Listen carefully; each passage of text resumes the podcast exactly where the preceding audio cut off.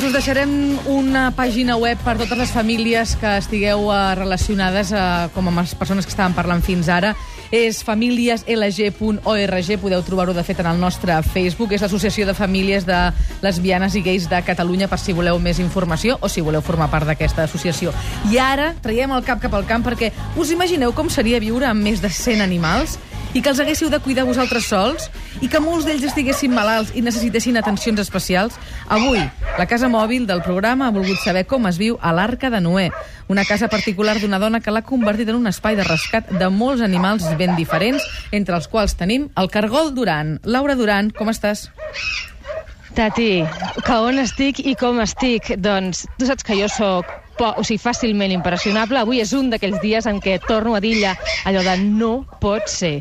Soc a Fonollosa, al Bages, a casa de la Leonor Díaz de Liaño, una heroïna que fa 10 anys va decidir convertir casa seva en un centre d'acollida d'animals malalts, vells, malnutrits, abandonats o maltractats.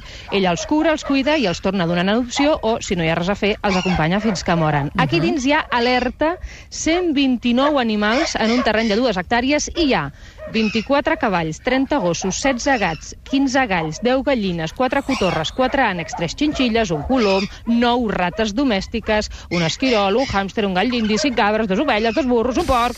Tots estan batejats.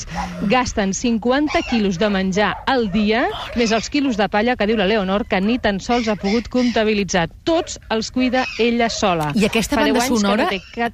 Aquesta banda sonora és constant? Sí, sí, aquesta banda sonora és Oh, és la banda sonora diària, o sigui, aquí, clar, les cotorres, els gossos, les xixilles, aquí tothom canta, parla, s'expressa lliurement. A més, una de les coses que més sorprèn és que conviuen junts, és a dir, no et pensis que cadascú té la seva gàbia, no, no, no, no. Aquí estan tots, gairebé tots, només alguns que per motius concrets, per si estan malalts, doncs han d'estar aïllats, però els que estan mínimament bé, estan tots junts, és a dir, que tu veus el porc doncs, menjant al costat d'un de, doncs, gos, d'un cavall, d'una cabra, cabra, d'una ovella, d'una xinxilla i del que sigui. També t'he de dir, les rates, això sí, estan a part, mm, és a dir, que no, no les he tocat, com si he fet un munt d'activitats aquest matí, però les rates no, això sí que em costa una mica més, i estan a part, però la resta d'animals conviuen mm, d'una manera eh, realment curiosa. És una autèntica arca de Noé. La, la vida i la història de la Leonor és apassionant, després la podrem conèixer, podrem parlar amb ella, però el que més eh, em crida l'atenció és la seva rutina, eh? La sabrem. De doncs 6 del matí a 11 de la nit, únicament fa això, cuidar animals. Quina animalada. Ja hi som, ja ho sentiu, eh? Aquest matí hem conegut la història de la Leonor, una dona apassionada pels animals que va decidir deixar-ho tot per constituir un refugi per cuidar i millorar la vida de més de 100 animals d'arreu de Catalunya que han estat maltractats o abandonats. Fa 10 anys que viu només per aquesta causa i no té ni vacances ni descans. És una nova manera de viure que avui ha descobert el nostre cargol Duran. En Josep Calvet i la Laura Duran han anat fins a casa seva, a la masia de Fonollosa. És així, no, Laura? Sí, Tati, és així. Estem ara mateix aquí al Bages a Fonollosa i acabem de descobrir que no són 129, com t'he explicat uh, fa una estona, sinó que són 131 perquè en el recompte Han ens havíem deixat dues oques. Ah, no, no n'han descat... Saps que a mi em passa? Jo tinc tendència que quan sí, vaig sí. pels llocs neixen neix, persones i animals, però... Ah, efectivament. Però, però en aquest cas ha estat el recompte. Bueno, clar, quan tens una arca de la Leo d'aquest nivell, en el recompte pot ser que et passi això. Doncs bé, són 131. També he descobert un petit detall, per exemple, que fins i tot al lavabo tenen animals. He demanat per fer un pipí, cosa que també tinc costum, com bé saps, i hi havia un esquirol i un hàmster a dins del lavabo, observant mentre jo feia pipí. També hem sabut que la majoria dels animals que hi ha aquí són animals domèstics eh, que vivien en pisos o eh, en quadres i els seus antics amos eh, no els volien, els havien abandonat. Un clàssic, també ho vam explicar un dia, que és aquest eh, porc vietnamita, uh -huh. que durant l'època de la porca misèria molta gent va voler tenir a casa perquè eren ben petitets, però clar, quan es fan grans no els volen. Doncs bé, aquí hi ha un porc, el Bart, que és eh, víctima justament d'això, d'una família que ja no li cabia en un pis de Barcelona i doncs van decidir que se'n fes càrrec la Leonor. Però, I un altre petit detall, sí, digues, digues. hem arribat... Digue'm, digue'm. No, no, digues no, dic que aviam, un altre petit detall és que hem arribat al Josep i jo amb texans blaus, com acostumen a ser els texans, et puc dir que ara són marrons, oh. ens han rebut els 30 gossos. I, I bé, com que jo ja, aquesta vegada, saps que ja no m'ha passat allò de que vaig tan mona i tan arregladeta de Barcelona, no, avui vaig amb el meu quechua, ja porto les meves bambes, o sigui, avui ja venia equipada i per tant vaig marro, però vaig ben ambientada. Ets això ja total, no m'ha passat. Ets total, Laura. Dit això, dit això, Hem de saludar la Leonor, que és la protagonista de tot plegat. És la dona, una dona, per mi, una heroïna des d'avui, que és capaç de llevar-se cada dia a les 7 del matí per cuidar tots aquests animals. No se'n va dormir fins les 11.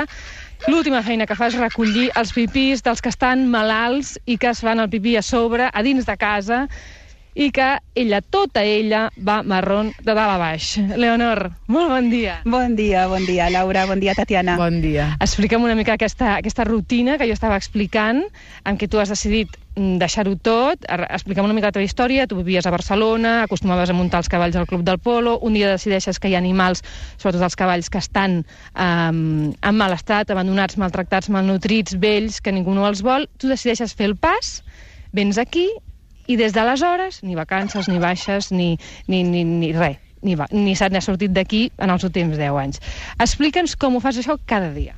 Doncs mira, la veritat és que m'he complicat molt la vida, perquè quan vaig vindre no em pensava que, que me la complicaria tant, clar, però això han anat en un increscendo i llavors, doncs, bueno, mira, és com tu deies, m'aixeco a les 7 del matí, ja tinc que posar-me només sortir de l'habitació les botes de goma, perquè, clar, tinc alguns gossets molt vells i gats vells i malalts, i llavors oh. aquests són les que estan a dins, i, bueno, doncs recollo els primers pipis caques, obro, comencem els esmorzars de gossos, llavors, mentre els gossos esmorzen, jo vaig entrant a dins i els hi dono l'esmorzar esmorzar als gats, després tinc ja una olla preparada, perquè aquí normalment donem pienso, però aquests gossos tan vells, doncs aquests mengen olla, diguéssim, preparada a casa, llavors entro als ballets, quan ja han acabat els gats, esmorzen els vells la seva olla, i bueno, i anem fent, saps? I llavors ja continuem, després recullo caques de fora, després mengen els ànecs, després les oques, i cap a les 9 del matí doncs ja estan començant a esmorzar els cavalls. Tot això sola. La cosa es va anar fent tan gran, Tati, que ella va començar amb pocs animals, que va decidir que, clar, eh, això, diguéssim, tu no pots tenir a casa 131 animals sense estar constituït eh, com a zona adaptada per això. Ella, avui en dia, ha creat una associació que es diu l'Associació per a la Defensa de los Equidos, que podeu trobar a la seva pàgina web, a internet, sense cap problema, on va decidir que tots els animals no se'ls podia quedar, i aleshores ara, aquests animals, si algú vol, els pot adoptar, eh? Exacte. Mm -hmm. Nosaltres, de fet, quan vam començar, la idea era fer un refugi per cavalls, perquè no n'hi havia. O sigui, en tota Catalunya no hi havia cap i en tota Espanya només funcionava, em sembla, un. Ara ja en Espanya n'hi han tres més i a Catalunya n'hi han dos que no, no funcionen ben bé exactament només com refugi de cavalls, però que, bueno, que també fan una mica de feina per ajudar-los. I llavors, bueno, el que passa és que després es va complicar. Però sí, sí, ja no sé ni que m'havies preguntat, perquè t'he començat a donar el rotllo dels cavalls, però sí, que bàsicament era un refugi de cavalls i que després ens vam anar complicant ja, perquè clar, venien amb els cavalls gossos, venien gats, venien ocells exòtics, venien com el porc, tenim una vaca, i bueno, doncs la cosa s'ha anat complicant dia a dia. Com ho fas perquè convisquin pren molt això, no? doncs el gall d'indi al costat del porc, al costat de la cabra, de l'ovella, el cavall, el gos, el gat, tots conviuen lliurement en aquest espai de dues, de dues hectàrees i només alguns, en el cas dels cavalls, que estan bueno, doncs en el seu petit espai, però com has aconseguit aquesta convivència, com si fos realment un arca de la Leó? doncs la veritat és que no sé. A veure, el més eh, complicat és, per exemple, quan entren els gossos, que són gossos normalment abandonats de gossos de casa, gossos que han vingut aquí, que s'havien matat gats i que s'havien matat doncs, ànecs i gallines, doncs aquests animals és ensenyar-los que aquí és un, això és un, una casa d'acolliment per tots i que tots tenen el mateix dret a la vida. Llavors, bueno, els porto lligats un dia o dos, el que el gos necessita, li ensenyo cada animal un per un, vaig amb una fusteta a la mà, que això queda una mica exòtic, però dius una protectora i la dona amb la fusta a la mà. Però bueno, és que si ells miren el gat o el gos amb mala intenció, doncs jo els hi dono un copet al morro i els hi dic que això no. I bueno, els gossos de caça he de dir que tenen molt mala fama, però que normalment en una qüestió d'hores estan ensinistrats. I els que són pastors alemanys o mastins o creuats de pitbull o coses d'aquestes, potser necessiten uns dies més, però de seguida ho entenen. Ella fa allò que feia Robert Redford a la pel·lícula pel·lícula, que és El hombre que susurrava los caballos. Ella diu aquí no hi ha animals dolents ni animals agressius, aquí els animals es reconcilien amb el món, troben la pau que han perdut els últims anys. Aquest entorn ajuda molt, no cal dir-ho. Tu d'alguna manera t'has convertit en la seva salvadora, perquè d'alguna manera aquests animals no tenien futur, cap dels 131 tenia futur, tu has aconseguit que molts d'ells en tinguin i els que no en tenen els acompanyes fins al final. Per tant, Tati, queda clar, no?, que estem parlant d'una heroïna. Absolutament, absolutament. A mi el que m'agrada saber la propera connexió, entre moltes altres coses, és si, una, l'heroïna viu sola, perquè, clar, no sé si hi ha parella Viu o fills per aquí marit mig. que... Hi... Sí. Que voldré Viu saber- un marit que ja la mira amb cara de quin dia s'acabarà això, quin dia s'acabarà això. Voldré saber què n'opina. I dues, una pregunta obligatòria que també li farem en la propera connexió, i és com ho manté tot això? Perquè és evident que la despesa que suposa alimentar 131 animals i, a més a més, doncs, cuidar-los i tenir-ne cura és important. Per tant, ens queden encara moltes curiositats sobre la vida que porta la Leo i que avui tu has tingut el privilegi de conèixer de ben a prop. Moltes gràcies a totes dues.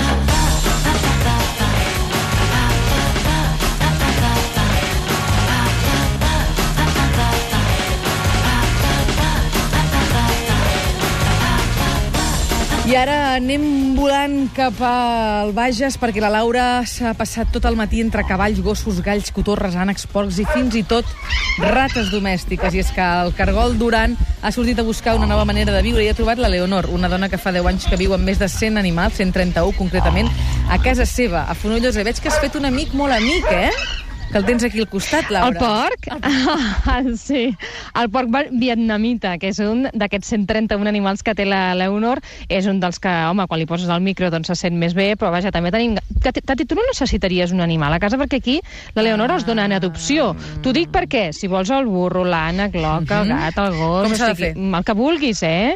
Ah, doncs, ah, t'ho explica, Leonor, com ho hem de fer si volem adoptar-ne un. Doncs teniu que entrar a la pàgina web, a la nostra, i llavors allà n'hi ha dos qüestionaris, que és el qüestionari d'adoptar o el qüestionari de padrinar. Si voleu adoptar, doncs cliqueu en adoptar, us llegiu les condicions i feu el qüestionari, l'ompliu, ens l'envieu i ja està. Si tot està tot correcte, doncs veniu a recollir el bitxo. Molt bé, O recordem sigui, que ara les- quan acabem el programa ho faràs, no? Sí, perquè és Asociació, Asoci- Asociación Defensa Equinos. para, la, para la defensa de... Lo...